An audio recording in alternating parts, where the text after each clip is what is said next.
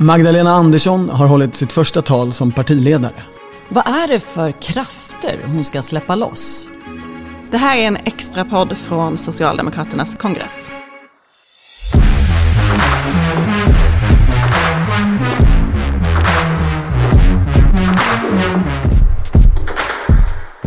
Det här är politiken med, eh, vad heter de nu? Annie Reuterskiöld, Annie Reuterskiöld, Maggie Strömberg. Maggie Strömberg och Torbjörn Nilsson. Till slut sitter vi här i ett hörn av den jättelika kongresshallen i Göteborg efter ett 50 minuter långt tal det var som långt. Magdalena Andersson har hållit. Vad sa hon i det här talet, Annie? Ja, hon började ju med eh, ett grepp som jag tyckte var lite intressant eftersom hon alldeles nyligen var finansminister. Men hon gick in i de stora samhällsfrågorna genom den ekonomiska politiken. Eh, och där lät hon ju onekligen vänster i sin retorik. Hon pratade om bankirerna som hon hade träffat på Wall Street under 90-talet när hon var med och sanerade den svenska ekonomin. Eh, och att de inte flinar längre. Och det var ju liksom, ja, att den hela den här, andemeningen var att hela den här nyliberala eran är slut och eh, att alla länder nu inser att vi behöver samhället och inte tvärtom. Så det var ju eh, ett nytt grepp kan jag tycka. Att, man, att, att det är tydligt att hon kommer från den ekonomiska politiken. Sen gick hon ju in på eh, sina huvudbudskap eh, såklart. Klimatet, brottsligheten, segregationen och välfärden. Det var ju långt, så det var ju ännu mer. Eh, kommer du ihåg Ja, Maggie? jo men hon, eh, hon hade ju en personlig del där hon pratade om sina föräldrar och sin pappas Alzheimers. Sen hade hon ju, hon, hon pratade ganska mycket till de fackliga i salen. Alltså både ko- kommunal och byggnads och målarna och transport vad det var. Ja, det var många som skulle bygga det nya Sverige. Precis, och hon var ju väldigt, även där liksom eh, tillbaka i någon slags grunder och pratade om kollektivavtal och Men hon skämtade ju också ganska mycket. Alltså när hon Mm. pratade om, eh, eller hon, hon sa ju så här att eh, jag hade en arg kvinna på, på telefon eh, häromdagen. Och så berättade hon att den här arga kvinnan klagade om massa saker. Och sen, det var min mamma. Mm. och det rev ju ändå ner i skratt. Och samma sak med eh, alla fackliga.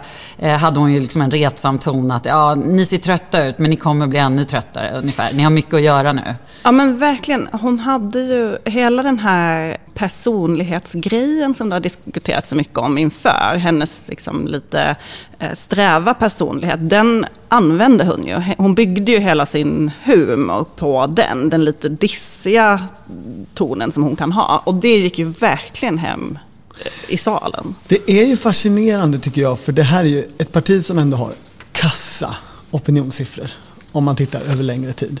Som har riktigt uselt parlamentariskt läge. Eh, om man bara tittar vad som händer närmsta veckorna och förhandlingar som pågår och sådana där saker aldrig blir slutförda. Men de två som bakgrund, och så är det här partiet så förnöjt. Alla är så lyckliga på den här kongressen. Stämningen är så otroligt uppsluppen. Gamla rävar går ju runt i korridorerna och ser otroligt nöjda ut också. Det är de bara myser. Jag tänker på Göran Persson, Thomas Östros, till och med Per Nuder. Bosse Ringholm såg jag idag också på gott Margot humör. Wallström har varit där. Och det, det äldst av dem alla. Eh, Ingvar Carlsson. Ja, har, har varit Eller? här, men det är Bo Toresson. I alla fall i meningen den som har varit på flest kongresser. Det hävdar han själv i alla fall. Vem är han? Bo Toresson var partisekreterare och så är han pappa till Anneli Toresson som är talskrivare åt en massa partiledare i det här partiet och som också det är väl inte officiellt, men av allt att döma så har hon bistått i arbetet med det här talet som Magdalena Andersson nyss har hållit. Hon håller sig nära Magdalena Anderssons gäng på den här kongressen i alla fall kan man säga. Men om man pratar om vad man tyckte om det här talet, var det något som överraskade er i det hon sa? Kraften i vänsterretoriken överraskade mig ändå. Alltså när hon säger saker som att den fria avreglerade marknaden är inte lösningen, den är problemet. Hon pratar om eh, samhällsintresset som har fått stå tillbaka för länge och att det är skälet till att samhället blir svagt. Och faktiskt första meningarna i talet, där hon pratar om att vi befinner oss i början av vårt andra 20-tal. But partivänner, när vi nu är i början av vårt andra 20-tal så är vi det i en ideologisk styrkeposition. Hon försöker ju där flytta eh, sig själv och det här partiet hundra år tillbaka i tiden, till 1920-talet. När socialdemokratin stod i en ideologisk styrkeposition, den som sen väx växlades ut på 30, 40, 50-talen. Jag satt jättelänge och tänkte så här, vadå andra 20-tal?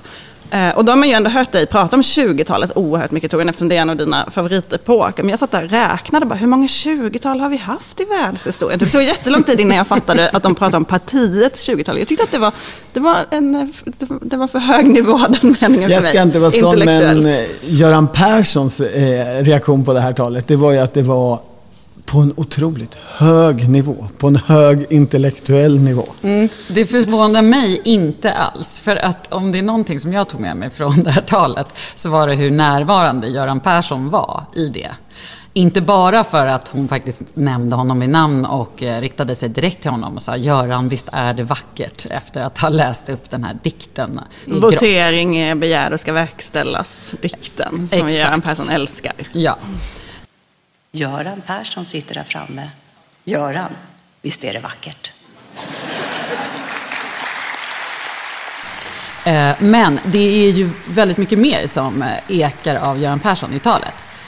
Det gröna folkhemmet är det mest uppenbara exemplet som han gick till val på. Det gick ju inte så bra då. Han kanske var före sin tid. Kan man, kan man ge honom det?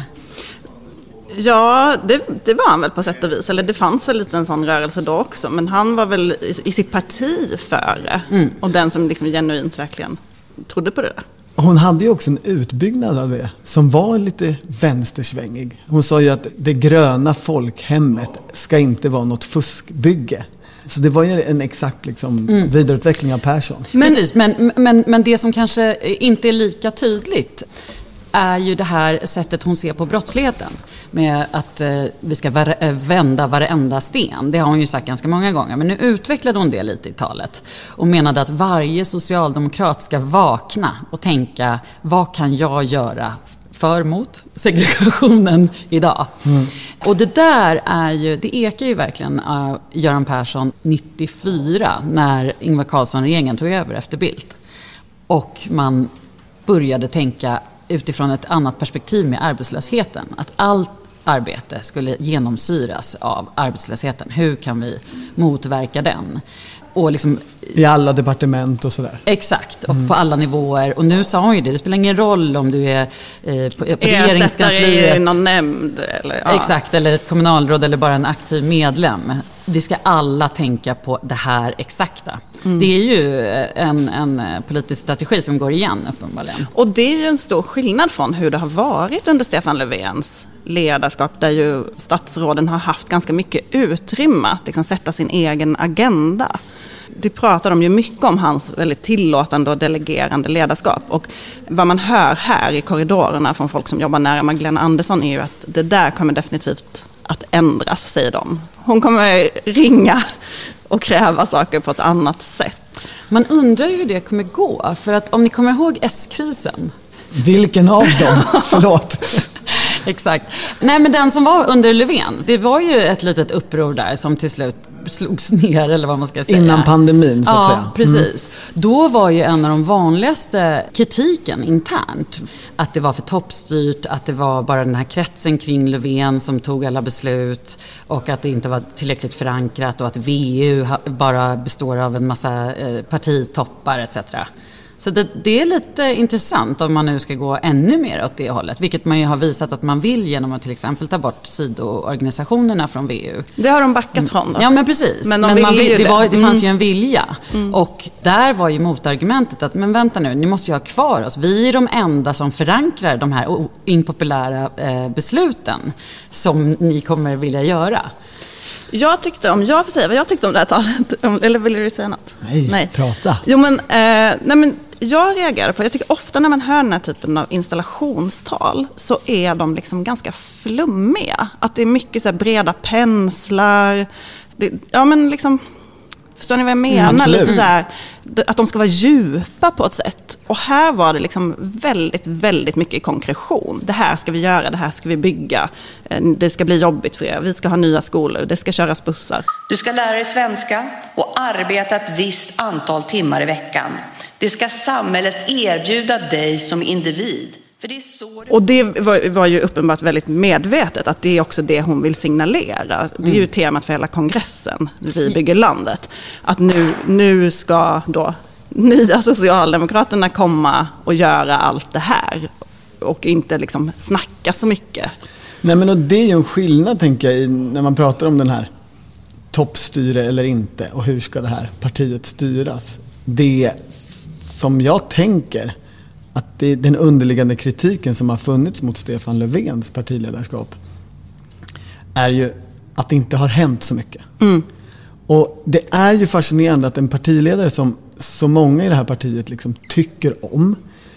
Ingen kan vara emot Stefan Löfven. Han tog på sig en, en, ett uppdrag som var hemskt. Men alla är ju jätteglada att han slutar. Det finns ingen här som man hör sörja att Stefan Löfven slutar. Förutom Odd Guteland. Och kanske, och kanske någon till i den nära staben. Jo men det är så good riddance. Utan liksom. alla, är ju, inte... alla, blir ju, alla är på något sätt som typ Göran Persson slutade. Att nu kan vi få göra saker. Nu är luften fri, det är roligt. Där, det, där tycker jag den här, den här barnsligt uppsluppna stämningen som är. Att Absolut. alla går runt och fnissar. Men de har ju alla finns. glömt att på måndag kommer de tillbaka till Annie Lööfs Sverige. Exakt. Där, där det ingen... kanske inte blir så lätt att stoppa vinsterna i välfärden. Nej men och på den punkten tyckte jag att en sak var intressant i talet, eller bland många. Det var Magdalena Andersson gick ju hårt ut i kärnkraftsfrågan och sa kärnkraft är dyrt, det tar lång tid, vi ska inte hålla på med det. Och det är ju ovanligt på ett socialdemokratiskt sätt, för det är ju ganska i motvind mot opinionen. Det är ovanligt konkret också kanske i Exakt. ett sånt här tal. Och där finns ju ett mod möjligen som kanske inte har funnits under den Löfvenska tiden. Att vi står för X. Mm. Eh, och det tänker jag säga även om som institutet har mätt upp att eh, det här är osmart att säga om jag vill få många Eller väljare. Eller Odd Guteland har mätt upp att det är osmart. Men det tycker jag också att man märker när hon pratar på pressträffen nu till exempel igår. Och lite det du säger om talet. Att det, det, det är så tydligt att hon kommer direkt från arbetsrummet. Hon tar upp exempel som är så här, det här är helt sjukt att, eh, det, att det är på det här sättet. Det är så tydligt att hon bara går in från ett rum till ett annat. Och det är som du säger också medvetet, att man vill signalera det. För när jag pratar med eh, folk som liksom är tilltänkta att nu eh, vara del av det här teamet, så hör jag ändå att det är väl inga jättestora förändringar på gång, utan det, det viktigaste är retoriken. Att alltså i personfrågor eller nej, i politiken? I, i politiken mm. och i retoriken. Mm. Att man ska vara tydligare helt enkelt. Mer än att man faktiskt kommer kanske slå in på en jätteannorlunda väg. Men jag tänker den där vänsterdiskussionen. Är det inte så att alltså, i ekonomisk politik kanske det inte kommer hända så mycket. Men av hennes tal att döma så kändes det ju ändå som att det kommer bli ett större välfärdsfokus. Men jag tänker också, om man tänker på när Stefan Löfven eh, till slut blev vald av en kongress här 2013. Han blev ju först vald av partistyrelsen. Ja, det var ju, hans tillträde var ju väldigt flummigt. Men Alltså då var det ju en alltså då stred ju partistyrelsen mot, då var ju vinstfrågan det stora på den kongressen och mm. partistyrelsen var ju emot den linje de nu själva lägger fram. Det finns ju ändå en, en förflyttning sen den tiden som är ganska... Precis, det är en värdeförflyttning, värderingsförflyttning. Man kan ju undra vilken sten Socialdemokratiska partiet har sovit under under åtta år. Den ska i alla fall För så lång tid nu. tog det ju för dem att komma dit. Jo, men det senaste mandatperioden har ju den stenen varit januariavtalet och punkt 9 som har sagt att man inte får driva frågan. Absolut. Men, Ska man då vända på januariavtalet? Ska det bort? Ja, det finns inte, men man är fortfarande fast i det. Det är, det är ju en otroligt svår situation det här partiet egentligen befinner sig i. Och därför är det så konstigt att de är så glada. Absolut. Alltså, jag vet att man pratar också under Fredrik Reinfeldts tid om det här, som man väl pratar om i amerikansk politik också, alltså the seven year itch, att folk tröttnar. Och även att typ, förhållanden ofta tar slut efter sju år, tror jag. Um, jag minns att vi Hur länge har ni varit ihop? Ja, länge. Längre än så. Förlåt. Minst åtta det, det verkar vara jätteharmoniskt. I alla fall när jag är med. men, eh, nej men, jag tycker att man, man ser det liksom, både i det här partiet, men jag tycker också det märks när man pratar med andra människor och med journalister. Man är ganska trött på det som har varit. Det har varit ganska stillastående. Det har varit rätt så trist att jobba. Det har bara handlat om regeringsfrågan. Och nu kommer det någonting nytt och någonting spännande. Och att partiet är väldigt glatt, men Magdalena Andersson har väl också fått en ovanligt liksom, snäll första tid som kandidat. Har han inte det? Jag tycker att bevakningen är väldigt vänlig. Jo, det är ju det här med, med första kvinnliga eh, statsministerkandidat. Alltså det har det funnits, men eh, att det verkar som att hon kan bli första kvinnliga statsminister. Tror jag. Och jag, jag, jag bara pratade med, det var ju mingel här på 23 våningen igår, som det brukar vara här i Göteborg. Och då pratade jag med någon journalist som sa så här, jo men kåren är nog lite bränd efter Anna Kinberg Batra. Eh, och att man fått, fått så mycket kritik för hur man bevakade henne. Att nu finns det någon slags försiktighet. Trist för Moderaterna, lyckligt för Socialdemokraterna. Om det är så. Anna Kinberg Batra eh, twittrade ju en, ett grattis igår. Ja, ett väldigt... Eh, Uppskattat. ja. Men nu har vi ju inte egentligen pratat så mycket om det som faktiskt verkar vara hennes absolut största prioritet, brotten, eller brottsligheten. Vi jagar de svarta pengarna, penningtvätt, arbetslivskriminalitet och exploatering av arbetskraftsinvandrare. Det är... Um... jag tror att vi kommer höra ännu mer av det eh, framöver och kanske till och med här på kongressen. Men eh, det är ett skifte tror jag. För det, alltså, välfärd och klimat det är ju ändå sånt eh, gammal skåpmat lite. Det är sånt man har tyckt hela tiden. Men nu kommer Socialdemokraterna gå in på en mycket tydligare väg eh, vad gäller brottsligheten tror jag. Och där var ju talets nyhet också att man ska ställa krav på att de som får försörjningsstöd måste ha en aktivitet. Det är ju idag liksom frivilligt för kommuner att införa det. Jag- Jag samtalade med några äldre socialdemokrater igår om detta och om hur gör man? Hur ska Magdalena Andersson gö- göra för att visa att det är allvar i den här frågan om kriminalitet? Och då sa någon av dem, alltså hon borde ju egentligen liksom, man måste nog göra något som inte är tillåtet, som är på gränsen. Vad- Det, det här med att folk inte ska gå hemma och få bidrag, Nej, det var väl inte på det gränsen? var inte kanske? på gränsen. Nej, här pratar de om så att säga Mette Fredriksen eh, på gränsen. Mm. Eh, Christian Sonesson är moderat eh, på gränsen. Utmana rådande lagstiftning, eh, sådana saker på gränsen. Och hur svårt det är för en socialdemokrat att göra det. Och risken att hon tar i för hårt. Alltså, Hon- de ville har- att hon skulle göra det, men var också rädda för risken att hon skulle ta i för hårt. Men det är, för långt. det är lite intressant, för där har hon ju faktiskt fackrörelsen i ryggen. Det är en grupp organisationer som alla har liksom en tung baksmälla från de senaste åren. De har alla ångrat de senaste åren i princip. Alltså eftervalsanalysen i, i fackföreningsrörelsen är ju att man alldeles, alldeles för länge eh, hade liksom så akademiska föredrag i princip ute i fackföreningarna där man pratade om alla människors lika värde och liksom allt flög över medlemmarnas huvud medan Jimmy Åkesson pratade om andra saker. Eh, och det är ju väldigt tydligt att för partiet nu så är det väldigt viktigt att knyta facken närmare sig. Så att det kom jag på nu när du sa det, men det är liksom, det är en, hon, har, eh, hon har vinden i ryggen där. Det fanns ju en underbar scen igår. Igår så hade hon ju ett kort tacktal när hon blev vald. Som har den styrka, det mod och den politik som krävs för att ta Sverige framåt. Och så var det applåder och så kom Stefan Löfven upp med en jättestor rosbukett. Ta- kramades, tackades av.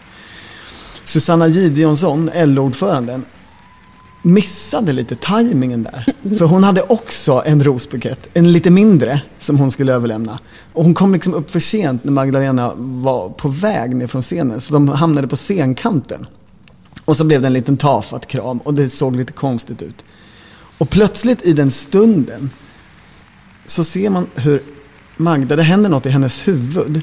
Och så tar hon ner sin hand och tar Susanna Gideons hand. Och så går de tillbaka ut på scenen. Hand i hand som två skolflickor närmast. Och sen ställer de sig mitt, i mitten av scenen och så sträcker de upp de knutna nävarna tillsammans. Jag har aldrig sett en så stark illustration av facklig politisk samverkan och viljan att demonstrera det. Och hur snabbt hon löste den där situationen och vände den till något väldigt starkt. Men på tal om eh, tafatt kram, såg ni Macron och eh, Angela Merkels eh, eh, kram igår? Den cirkulerade på eh, Ja, den var inte internet. här, nej. Nej, men det var, den, den liksom cirkulerade för att den var så otroligt, det var ju väldigt gulligt. Det var så, eh, eh, liksom Macron först tar lite i hennes axel sådär, man, man ser att han vill krama henne, men hon är liksom inte riktigt där och så kramar han, så tar han lite mer på armen och så till slut så inser hon att så här, han vill kramas. Och så gillar hon honom ändå, märker man. Så att, sen blir det en så lite gullig kram, men det är så otroligt tafatt. Och eh, ja, man blev glad. Eh, Tyskland möter Frankrike. Ja, verkligen. Det var en sån liksom ihopkurad kram med arm, armarna. Så. Ja. Men eh, det är också lite kul för att här, Tyskland är ju väldigt eh, närvarande här på kongressen. Olaf Scholz, eh, tyska socialdemokraternas partiordförande. Snart kanske förbundskansler. Han håller i alla fall på med regeringsförhandlingar. Eh, och Många socialdemokrater pratar ju om Tyskland nu. Eh, hur man blev största parti och varför det hände och vad man kan lära sig. Och det är också en, alltså, man har ju ändå regerat i mitten och sådär. Och han är väl också tidigare finansminister, va? precis Ja. som hon. Det, det kallades också till en pressträff här med de två tillsammans, eh, Scholz och Andersson. Och då frågade jag så här, men vad ska de prata om? Ska de prata om eh, liksom lånefinansierade investeringar till klimat, som är en stor fråga i båda länderna? Pressekreteraren tittade på mig och var så här, nej, de ska ju bara, han är ju Europas framtida ledare, det är det vi ska prata om. In, och jag bara, jaha, ni vill ha en bild på kungen och drottningen, liksom. Eh, Jo men det är ju lite så att de här sydeuropeiska länderna som nu har hämtat sig, alltså de socialdemokratiska partierna där. De räknas liksom inte riktigt. Det är ju liksom när Socialdemokraterna blir störst i Tyskland, då är man störst i Europa. Så verkar i alla fall... eh, Ja, men det, Ja. Och det finns ju en spännande och brännande skiljelinje i, i synen och viljan till investeringar och satsningar. Det, har ju frugala fyran Magdalena Andersson liksom ett bagage i. I det här talet så har hon ju en direkt passage där hon approcherar reformisternas krav på en Investeringsbudget vid Ja, sidan av den exakt. vanliga budgeten. Eller egentligen den gröna investeringsbanken. Ja, de har så många förslag. Ja, det, det, det, Men det är hon lite- säger att det, inte, det tar för lång tid, det är inte lönt att bygga en investeringsbank. Vi ska använda de banker vi redan har. Ja, och så har de det här att de ger gröna krediter eh, från staten. Jag hade velat ha en pressträff eh, faktiskt efter det här talet. För det där gav ju eh, upphov till frågor. Vad hon menade. För, för med gröna kreditgarantier, alltså det behöver man ju inte låna till lika mycket som de är värda. Nej. Så att det är liksom lite oklart Nej men det här är ju två olika modeller. Och det här är ju liksom den stora sakpolitiska striden på kongressen egentligen. De sitter och förhandlar detta just nu. Och där tycker ju Finansdepartementet, Magdalena Andersson, att de här kreditgarantierna är en bättre modell. Men då är det ju att man, man garanterar företag, alltså man typ går i borgen för att företag ska låna pengar. Och det är ju något annat än att staten ska låna 100 miljarder. Jag talar inte om miljoner. Jag talar inte om någon enstaka miljard. Jag talar om minst 100 miljarder nästa mandatperiod.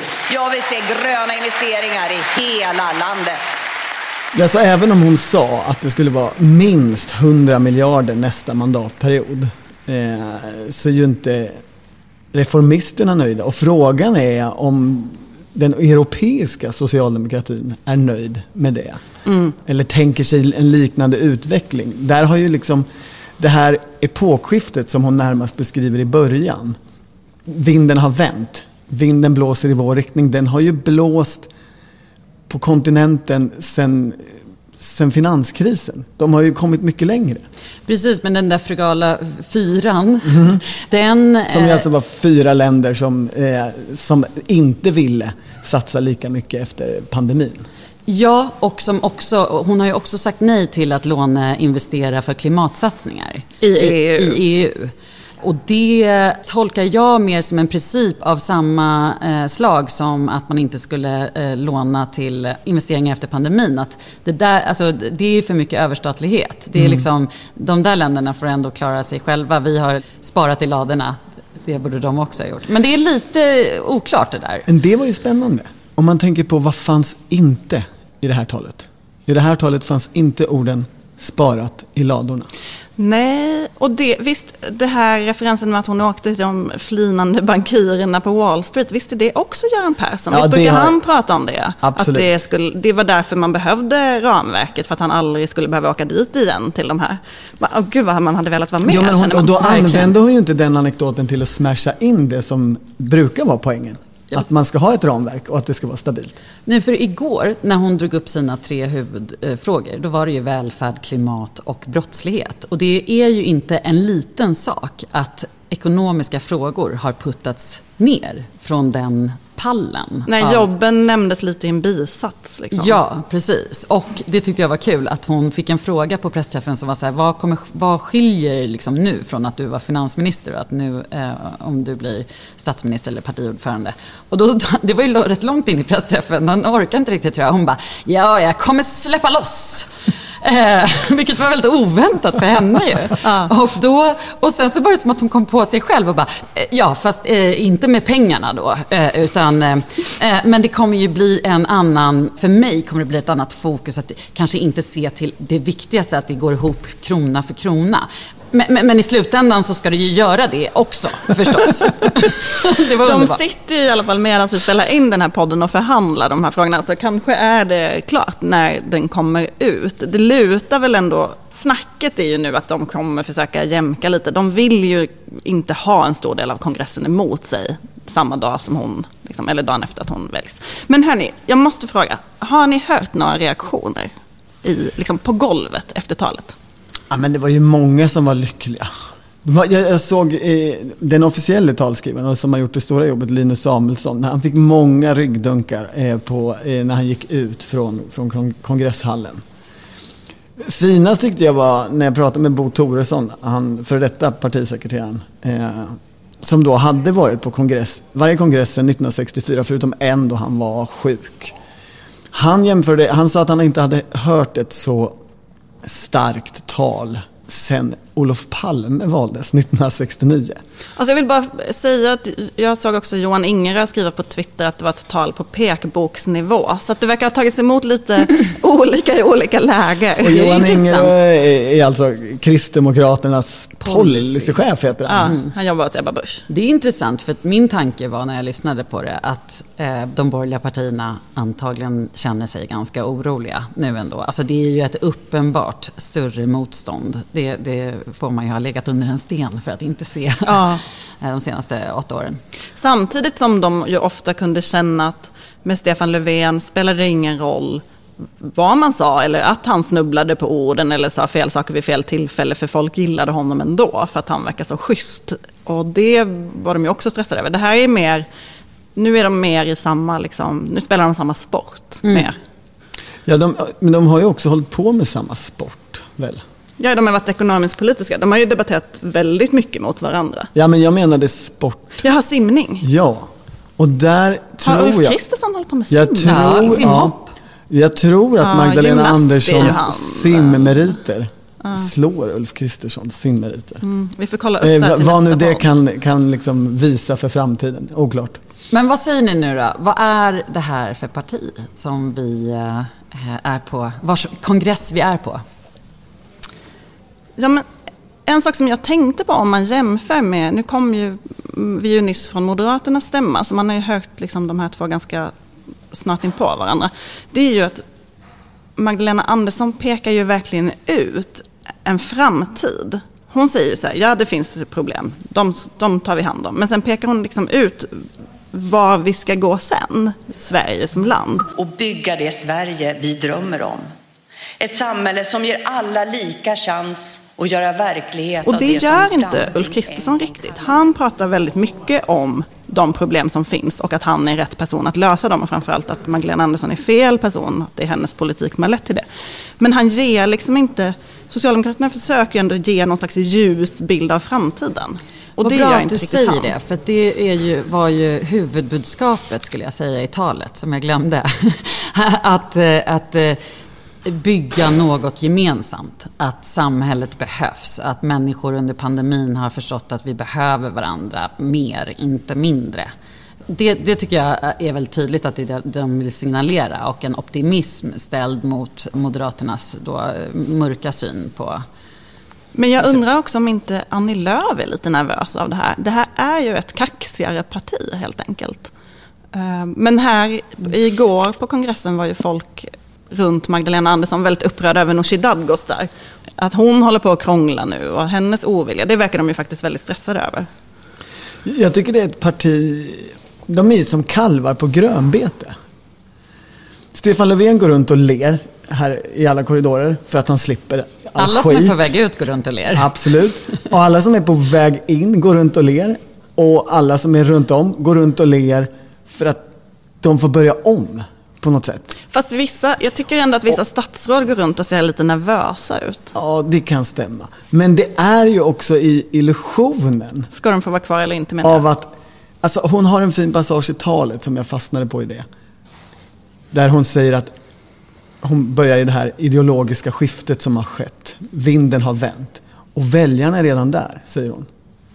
Det är bara det att väljarna i Sverige är inte där. Nej. Så hon måste gå till Tyskland och till Norge för att Vad kunna hämta klimatet? hem, nej, vad, vad, vad gäller eh, vänstersväng Mm. i, i helhet. För att kunna hämta hem poängen av att nu bl- blåser inte längre liberaliseringarnas och avregleringarnas och privatiseringarnas vindar. Nu blåser det starka samhällets vind. Men där är ju inte svenska väljare än. Så hon har ju ett jobb att göra, kan man säga. Och det tror jag ändå är, bortom allt det här så är ju det stora fokuset nu att inte tappa fler LO-medlemmar och försöka vinna, vinna tillbaka dem. Och även yngre väljare, man har ju väldigt, väldigt få yngre väljare. Men bara nu när de tar in Tobias Baudin som partisekreterare som kommer från posten som Kommunals ordförande, pekar ju på det eftervalsanalysen slog ju fast att det ska bli lättare för fackförening, alltså förtroendevalda eh, inom facket att gå in i partiet. Men om man ser till hur det såg ut förut så var det ju eh, jättemånga fackligt eh, anställda som satt i riksdagen i olika utskott. Den graden är ju eh, så väsentlig, från liksom 20 byggarbetare till en. Eh, och den förändring som nu sker är ju mer på toppskiktet. Det är ju liksom... En, Ann-Sofie Hermansson, eh, tidigare kommunalrådet i Göteborg, hon går ju runt på kongressen, jag vet inte om ni har sett henne, hon har haft sina eh, Renova-kläder på det, sig. Hon jobbar ju numera som eh, renhåll... Sopgubbe. Ja. Mm. Tänkte att det fanns ett, an, ett eh, annat ord för det som man brukar använda. Men ja, och eh, det var väldigt kul. Hon gick runt och pratade om att hon hade rast och hade kommit in på kongressen. Ja, nej men det, det, är liksom, det är någonting med det där att man ska vara eh, vanliga människors parti samtidigt som man blir mer toppstyrd och eh, det, jag vet inte om det går hela vägen ner i partiet. Har du ett ord för det där? Som sammanfattar vad det här är för parti för dig nu? Eh, nej. Så elak fråga. jag måste tänka då. Har du? Eh, Nej, verkligen inte. Jag tänkte att du hade det. Eh, Men eh, vi, Nej. vår podd kommer ju tillbaka. Ja, då Så ska vi jag kan ut återkomma till, till den frågan. Med det så säger vi tack för oss från Socialdemokraternas 41 partikongress i Göteborg.